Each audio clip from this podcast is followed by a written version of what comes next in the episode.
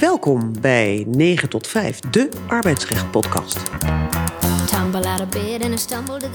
Het is vandaag 23 januari 2023 en wij uh, gaan hier alweer de 31ste podcast opnemen met onze podcast 9 tot 5.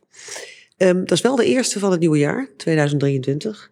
Uh, mijn naam is Els de Wind, Els de Wind Advocatuur, ook wel Els de Wind Law. Bij mij aan tafel zitten Michiel de Jager van Korp Advocaten en Ronald Beltzer van Vlot Advocaten. En waar gaan wij het vandaag over hebben? Wij gaan het hebben over inflatiecorrecties, koopkrachtcorrecties, loonsverhoging en what have we. Dat is wel het onderwerp dat we de laatste maanden nou, laatste jaar misschien wel in de krant hebben gelezen. Ronald, misschien zou jij eens eventjes een beetje het veld kunnen verkennen. Want waar gaat dit dan over als we het over ja, inflatiecorrectie hebben? Waar gaan we beginnen? Ja. Uh, we laten we eens beginnen met, uh, met die inflatie, even heel kort. Nou, uh, als je op de CBS-website kijkt, dan zie je dat de inflatie vorig jaar 10% is geweest. Dat is sinds 1975 niet zo hoog geweest. Ik was er wel bij in 1975, maar heb daar geen actieve herinneringen aan overigens. Uh, en als je het hebt over uh, de gasnota, nou dat weten we allemaal, dat was geloof ik 114 procent. Dus die neemt wel een stukje van die 10 procent op. Uh, en ja, wat hebben we dan? Ja, 10 procent. Dat hebben we natuurlijk jaren niet gezien. Dus je had van die bepalingen in arbeidsovereenkomsten, maar ook vooral in cao's. En die zijn toch vaak wat strakker geformuleerd. Of althans, de bewegingsruimte is wat minder. Waarin dan staat dat de lonen worden verhoogd met, nou ja, bijvoorbeeld dat prijsindexcijfer of een afgeleide daarvan of een speciaal cijfer of al dan niet uh, uh, te verlagen op basis van zwaarwegende bedrijfsbelangen. Nou ja, you name it, je kunt er van alles van maken. En die hebben de laatste jaren natuurlijk een beetje slapend bestaan geleid. Want hoe cares met een inflatie van 1,2 procent? Eh, dan heb je nog steeds voldoende ruimte om te onderhandelen. Maar als je ineens als werkgever 10 procent voor je kiezen krijgt eh, eh vanaf 1 januari 2023, dan komt dat toch wat hard binnen. Terwijl je zelf ook die inflatie moet verwerken. Als werkgever? Ja, ja, ja, ja, ja dat, dat is ook zo. Uh, dat, dat moet je ook. En, en de FNV uh, die dat hard roept, die moet dat, uh, die moet dat ook. En Michiel, je hebt even iets beter gekeken naar hoe, die, hoe de FNV dat hoe doet. de FNV erin zit. Ja, ja. Nou ja, het is grappig om op te merken dat de cao-lonen sinds 2008, ja, die zijn het hardst gestegen ever. Maar niet genoeg om deze inflatie te compenseren. Um, uh, eh, FNW doet dat op een hele speciale manier. Die zegt gewoon tegen die werkgevers: ja, jongens, leuk en aardig. Inflatie is 10%, dus de compensatie is 10%. En, uh, maar heeft daar wel een, ja, een dubbele pet. Want binnen de eigen organisatie en binnen de eigen CAO, die geldt voor FNW'ers, vonden ze 3% wel genoeg. Dat is niet met elkaar te verenigen. Nee, dat is wel bijzonder inderdaad. Ja, maar ja, goed, dat moet de FNV natuurlijk ook roepen. Als je in de krantenartikelen van eind vorig jaar kijkt, dan zie je, hebben ze nog over 17 procent. Ja. ja. dat, uh, nou ja. Nou, de Rotterdamse haven, 16,9 procent. Maar daar stond een, uh, een automatische prijscompensatie in de CO. Verbaast me niks dat ze die daar gewoon sinds de jaren 70 in hebben gelaten, in de Rotterdamse haven trouwens. Ja. Maar heb je trouwens een recht, bestaat er een recht op loonsverhoging, inflatiecorrectie? Nee. Helemaal geen algemeen recht. Dus je moet het of overeenkomen in je arbeidsovereenkomst, ja, of in de CO. Ja, klopt. Dus dat is wat je nog wel eens hoort van werknemers die niet onder de CO vallen. Hoe kan het dan dat ik niks extra's krijg? Ja, uh, simpel. Je bent iets afgesproken. En uh, je hebt alleen maar recht op meer als je dat opnieuw ja. overeenkomt. Vandaar dat dit zo'n onderwerp is. Hè? Dat nu met zo'n extreem hoge ja, inflatie, dat we dan gaan denken, nou hoe zit het eigenlijk? Wat hebben we opgeschreven en waar? Ja. Ja, ja. mensen voelen dit te hard in de portemonnee. Tegelijkertijd het is natuurlijk een hele extreme situatie vorig jaar met die oorlog. En waardoor die, die, die, met name die brandstofkosten zo enorm zijn gestegen. Want ja, 114 procent, dat is natuurlijk de allergrootste aanjager van de inflatie op dit moment. En wat je daar ziet is dat die, die prijzen die zijn alweer aan dalen. Uh, wordt alweer een beetje ingecalculeerd. Uh, er komt liquid natural gas uit Amerika.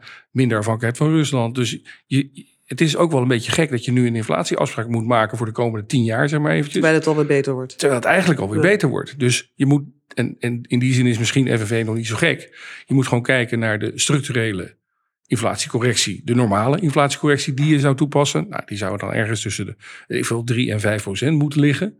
Dat is al best hoog, maar dan nog. En dan zou je denk ik iets moeten gaan bedenken voor, ja, wat moeten we dan doen aan koopkrachtreparatie. Precies. Een eenmalige betaling, een bonus of Uh, noem ja, maar want dat moeten we onderscheiden. Het wordt vaak uh, op één hoop gegooid. Ja, nee, maar de discussie wordt natuurlijk heel vaak een beetje indimensionaal uh, gevoerd. Ook omdat ja, partijen die tegenover elkaar sta staan, zoals AWVN en FNV, ook voor de bühne hun verhaal natuurlijk moeten hebben. Ja. AWVN die, die wijst met de opgeheven vinger naar de jaren 60 en 70, naar de loonprijsspiraal natuurlijk. Van ja. jongens, dit, gaat, dit, gaat, dit loopt de klauwen uit. Want als de lonen omhoog gaan, gaan de prijzen van goederen en diensten omhoog. En we willen toch niet terug naar enzovoort. En dan blijft de inflatie hoog. En dan blijft de inflatie inderdaad hoog. Maar als je het inderdaad hebt over koopkrachtreparatie, ja, dan wordt het plaatje natuurlijk anders. Uh, want dan hou je bijvoorbeeld ook rekening met het feit dat de Nederlanders uh, eind 2022 uh, tegemoet zijn gekomen in hun gasrekening. Hè? En dus je, nou ja, er zijn maatregelen getroffen. 190 euro. Ja, nou ja, er zijn flink wat huishoudens die daar toch fors mee geholpen zijn. Mm -hmm. niet iedereen uiteraard. Maar ja, dan komt er in ieder geval een wat, een wat uh, genuanceerder beeld uit dan wanneer je zegt we moeten gewoon aansluiten bij de inflatie over het hele jaar. Ja, en wat flexibeler, want je kunt volgend jaar kijken hoe volgend jaar de vlag, er, de vlag erbij hangt. Dus ja. Maar laten we even kijken hoe dat zit. Want uh, volgens mij moet je onderscheiden tussen de individuele situatie en de collectieve situatie. Ja, dat zou ik doen.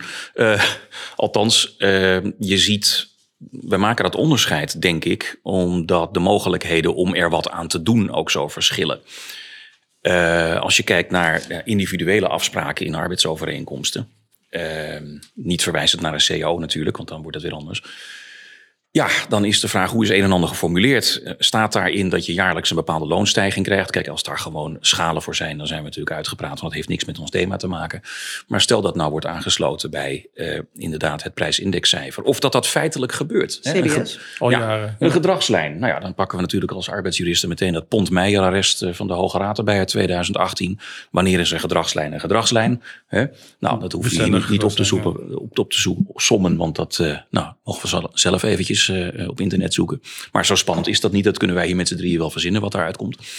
Um, maar als je dan inderdaad, uh, nou dan heb je dus wel of niet een recht. En we stelden net vast, een recht heb je als uitgangspunt niet. Maar als er een gedragslijn is, of als er wordt aangesloten, inderdaad uitdrukkelijk bij dat, bij dat prijsindexcijfer, dan. Heb je ja, gekregen recht. Dan heb je het, en heb je het, het ja, het vermalendijde verkregen recht. Ja. Maar verkregen rechten kun je ook weer aantasten. En dan kom je natuurlijk in juridische leerstukken als uh, goed werkgeverschap. Kan je nog een boom opzetten of je moet aansluiten bij... de beperkende werking van de goede ja. Ja, precies. maar ze zelf is weer, weer wat milder dan 6248. Geldt ook voor collectieve regelingen, weten we sinds eind vorig ja. jaar. Van de IFF-uitspraak van de Hoge Raad. Onvoorziene omstandigheden. Nou ja, zijn het gewijzigde omstandigheden op het werk? Kan je dat ook als zodanig beschouwen? Ja, als de er hele zijn economie wordt mogelijkheden, maar het wordt wel een heel verhaal omdat Ja. eh, hè? Wijzigingsbeding heb je natuurlijk ook. De zwaarwegende bewijs- bedrijfsbelangen. Dat, dat heeft dan misschien in, dit, in dit, eh, deze situatie misschien nog iets meer, ja, werken natuurlijk mee. iets meer effect. Medezeggen, dat, eh, medezeggenschap. Ja, Ja. er zit een eh nou, woordaspect aan. Als we, het, als we het hebben over individueel, dan is dit het wel zo'n beetje. Hè? Dus eh, als het een keer is toegekend in 2022, is het natuurlijk geen gedragslijn. Dus als werkgever zou je er in ieder geval goed aan doen dat als je eh, toch iets wil doen voor de werknemer op dit terrein en niet met zo'n schok wil worden geconfronteerd, dan moet je er steeds een voorbehoud bij maken. We doen het dit jaar en we bekijken het van jaar tot jaar. En het bedrijfsresultaat moet het toelaten. En als er zwaarwegende belang, eh, Ja. bedrijfsbelangen zijn of schokken in de economie, dan eh, doen we het anders. Nou ja, eh, formuleer het, maar ga Maar ja, niet tegelijkertijd, als je dat alweer vijf jaar doet, is het ook weer bestendig. Ja. ja, nou ja, goed. Alles hangt af van je communicatie, hoe je het Ja. formuleert. Ja. Eh, En dan ga je lekker havelteksten en dan eh, kom je erachter dat de werkgever Ja, en misschien dat is ook de beperking. Dat zie je in die veel cao's waarin het heel kort door de bocht wordt gezegd. We compenseren de inflatie. En dan pakken Ja. ze een CBS-prijsindexcijfer. En dan ben je aan de beurt. ja. En dat tikt lekker door, hè? En dat tikt lekker door Pensioen. voor al je werknemers. Ja. Pensioen. De komende Andere tien lasten. jaar zit je vast. Ja, daarom zie je ook dat veel bedrijven een bepaald percentage wel willen toekennen, maar vrij laag, want dan hebben ze nog gewoon ruimte voor onderhandelen natuurlijk. Ja. Dat was wat het in de jaren 60 en 70 ook misging met die torenhoge inflatie. Eh, daar was geen loonruimte meer, want dat, ja, dat, die automatische prijscompensatie was natuurlijk het stokpaardje van vakbonden. En, en juist als het lang te hoog wordt, zie je alle productie naar het buitenland trekken weer. En dat was Ja. net weer een beetje aan het omkeren.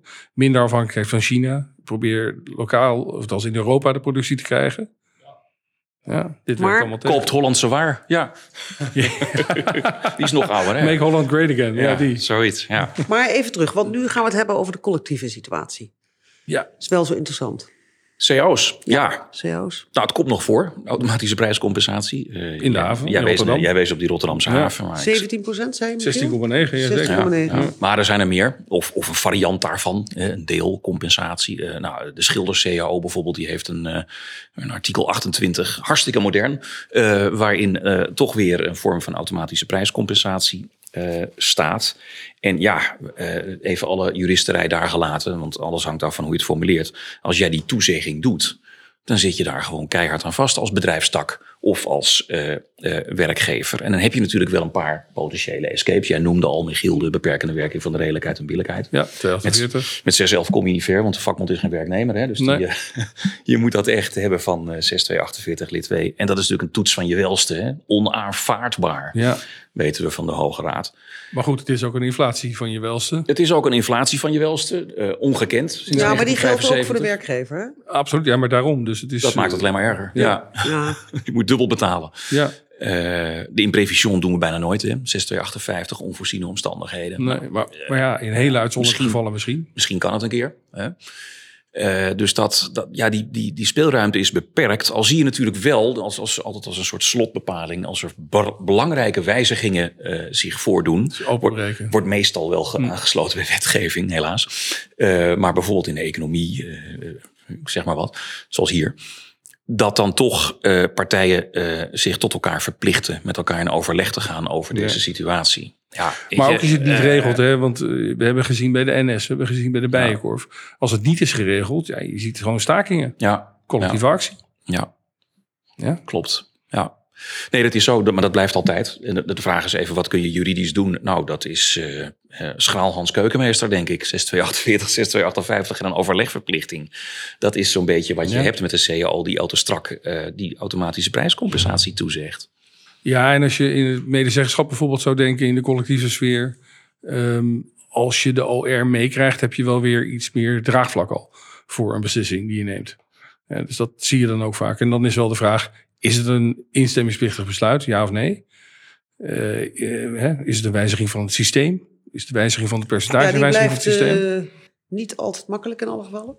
Ja, je moet ook wel opletten dat, dat die OR alleen wat te zeggen heeft als het niet uitputtend in de CAO is geregeld natuurlijk. ja, Uh, dat staat voorop 27 lid 3 voor. Uh, maar dan heb je NS en Bijenkorf waar het niet is geregeld Ja. in de CAO. Ja. Dus de OR heeft daar misschien iets van te zeggen. ja. Ja, en als je dan gewoon iets doorvoert zonder de OR mee te krijgen, ja, dan staan je werknemers staken. Nou, voordat we met de OR verder gaan, ik heb eigenlijk nog een vraag over CAO. Want wat gebeurt er als die afloopt? De partijen komen er niet uit met de nieuwe CAO. Wat dan? Ja, dat is, dat is inderdaad best een vervelende. En ook uh, bepaald niet ondenkbaar. Ja, uh, als die CO afloopt, dan kennen we in Nederland het systeem dat arbeidsvoorwaarden dan in feite deel uitmaken van je arbeidsovereenkomst. En dan kan dat nawerken. Ik zit even hard op te denken.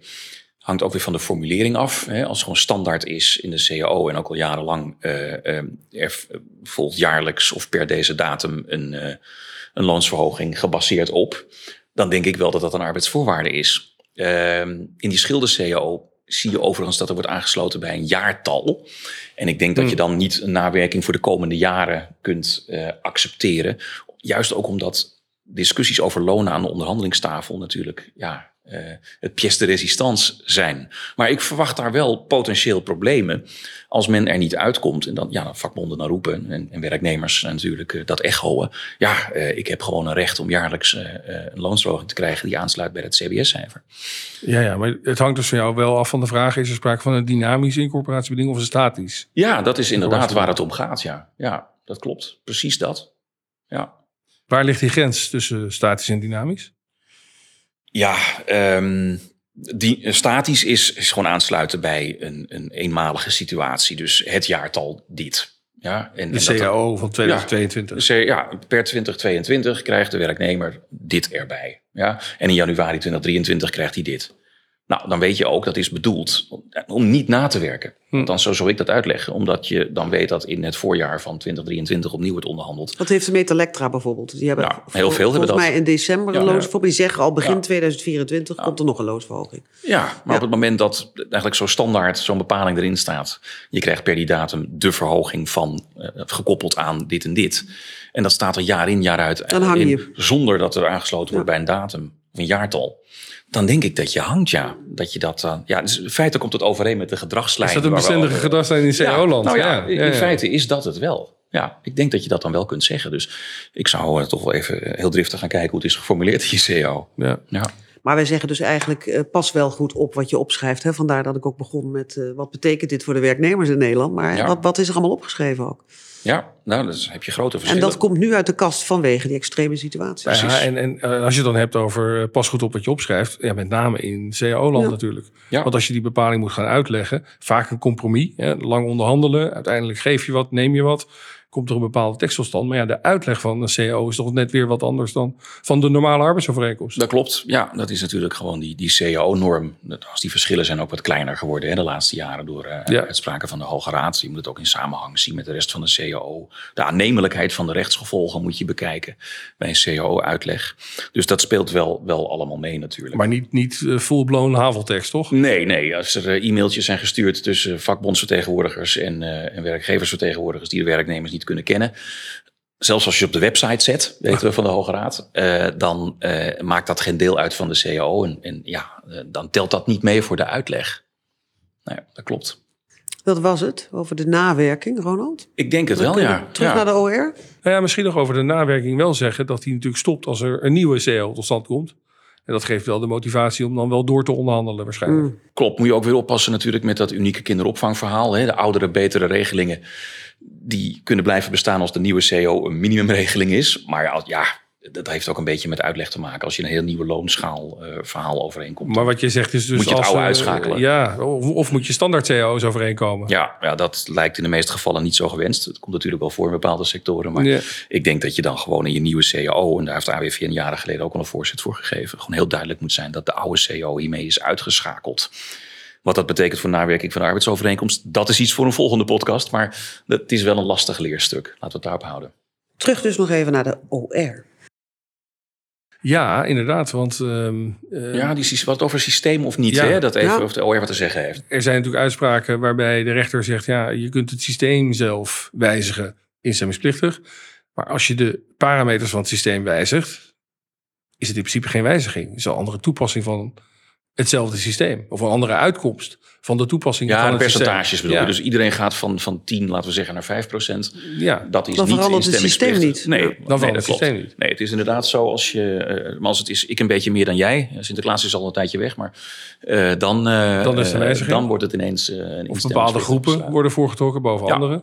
Ja. Maar- ja, in de voorbespreking stelde jij een interessant eh, punt voor. Ja, wat als de, het percentage nul is? Ja, ja. Nou ja, eh, daar kun je verschillend over denken, weet ik inmiddels. Eh, nou ja, kijk, het, het heeft natuurlijk ook iets gemaakt hè, om te zeggen van, nou, van 10 naar 5 procent, dat is niet instemmingsplichtig, want dat gaat over de hoogte. Ja. Hè? Dat weten we allemaal, passen we Holland Casino toe. Er zijn meer van die uitspraken. Ehm, maar ja, dan van 10 naar 0. eh, ja, dat is nog steeds over de hoogte. Terwijl als je natuurlijk drie jaar lang dan 0 geeft, dan ben je in feite natuurlijk gewoon de regeling aan het afschaffen. Nou, maar ben je dat nou? Er staat, want dat doe je toch Hm. niet? Je geeft op, eh, hardop denkend, je geeft op een gegeven moment 0%. Je vult de formule in. Maar je zit bij instemming als het, eh, het, het, ehm, het invoeren van een regeling, het wijzigen, daar komt hij, of het En intrekken. intrekken. Maar trek je hem nou in als je op in één jaar zegt het is nul? Nou ja, misschien niet één jaar, maar ik vind de discussie nog steeds wel ingewikkeld. Want het gaat om het wezen van de regeling dat je een bepaald percentage geeft. Dat kan 1, 2, 3, 5 of 10 zijn. En als je daar nul van gaat maken, dan kleed je in feite de hele regeling uit. Ja, maar dat Ja, maar we wel hebben het over, we hebben het over verschil met instemming. Hè? We hebben het niet Ja. over wat je met die regeling doet. Maar we hebben het over of de OR instemmingsrecht heeft. Ja. Kijk, en nul is, hoort wel tot de reeks van getallen die je mag invullen. Precies. Jawel, maar dan, dan geef je iets wat je meteen weer intrekt. Het, het, het, materiële effect is hetzelfde als van intrekking van de hele regeling, want je geeft niks. Nee, Ja. maar eh, goed, een winstdelingsregeling of een bonusregeling, er zit natuurlijk altijd iets van een discretionair karakter Nee, maar trek je hem in. Het gaat erom, je Ja, geeft ja. niks, oké? Je Ja. geeft nul. Nee, maar trek je misschien feitelijk wel. Als je jaar in jaar uit 0% geeft, dan heb je hem. Nee, maar dat is je wat bent nooit- anders. je dat bent is nooit wat anders. plan- Als je het jarenlang, dan kom je weer in de... In Ja, want als je niet meer van plan bent om hem ooit toe te passen, Ja. of ooit in te vullen, Nee, maar dat is dan heb je hem ingetrokken feitelijk. Dat, met de bonus kunnen we natuurlijk hetzelfde, eh, dezelfde redenering volgen. Je kunt zeggen, Ja. jullie hebben jarenlang deze bonus gehad. We kunnen twee dingen doen. We kunnen de bonusregeling intrekken. Maar we kunnen ook vijf jaar zeggen, de bonus is nul. Dat is hetzelfde. Ik vind dat dan uh, een moeizame discussie om die twee juridisch verschillend te behandelen, als je begrijpt wat ik bedoel. Nee, maar ik vind het wat anders als je jarenlang zegt nul. Maar één jaar, jaar, nul vind ik niet vanwege bijzondere ja, omstandigheden. Nee, dat kan, maar dan heb je allerlei bijkomende argumenten om dat zo te zeggen. Ja, bijvoorbeeld situatie. Uh, ja, ja, dat kan. Ja. Dan zijn we nu gekomen aan het einde van deze podcast. Houd u vooral onze website 9 tot 5 podcast.nl in de gaten. Dank u wel voor het luisteren. Dank u wel, Ronald. Dank je wel, Michiel. Tot de volgende keer.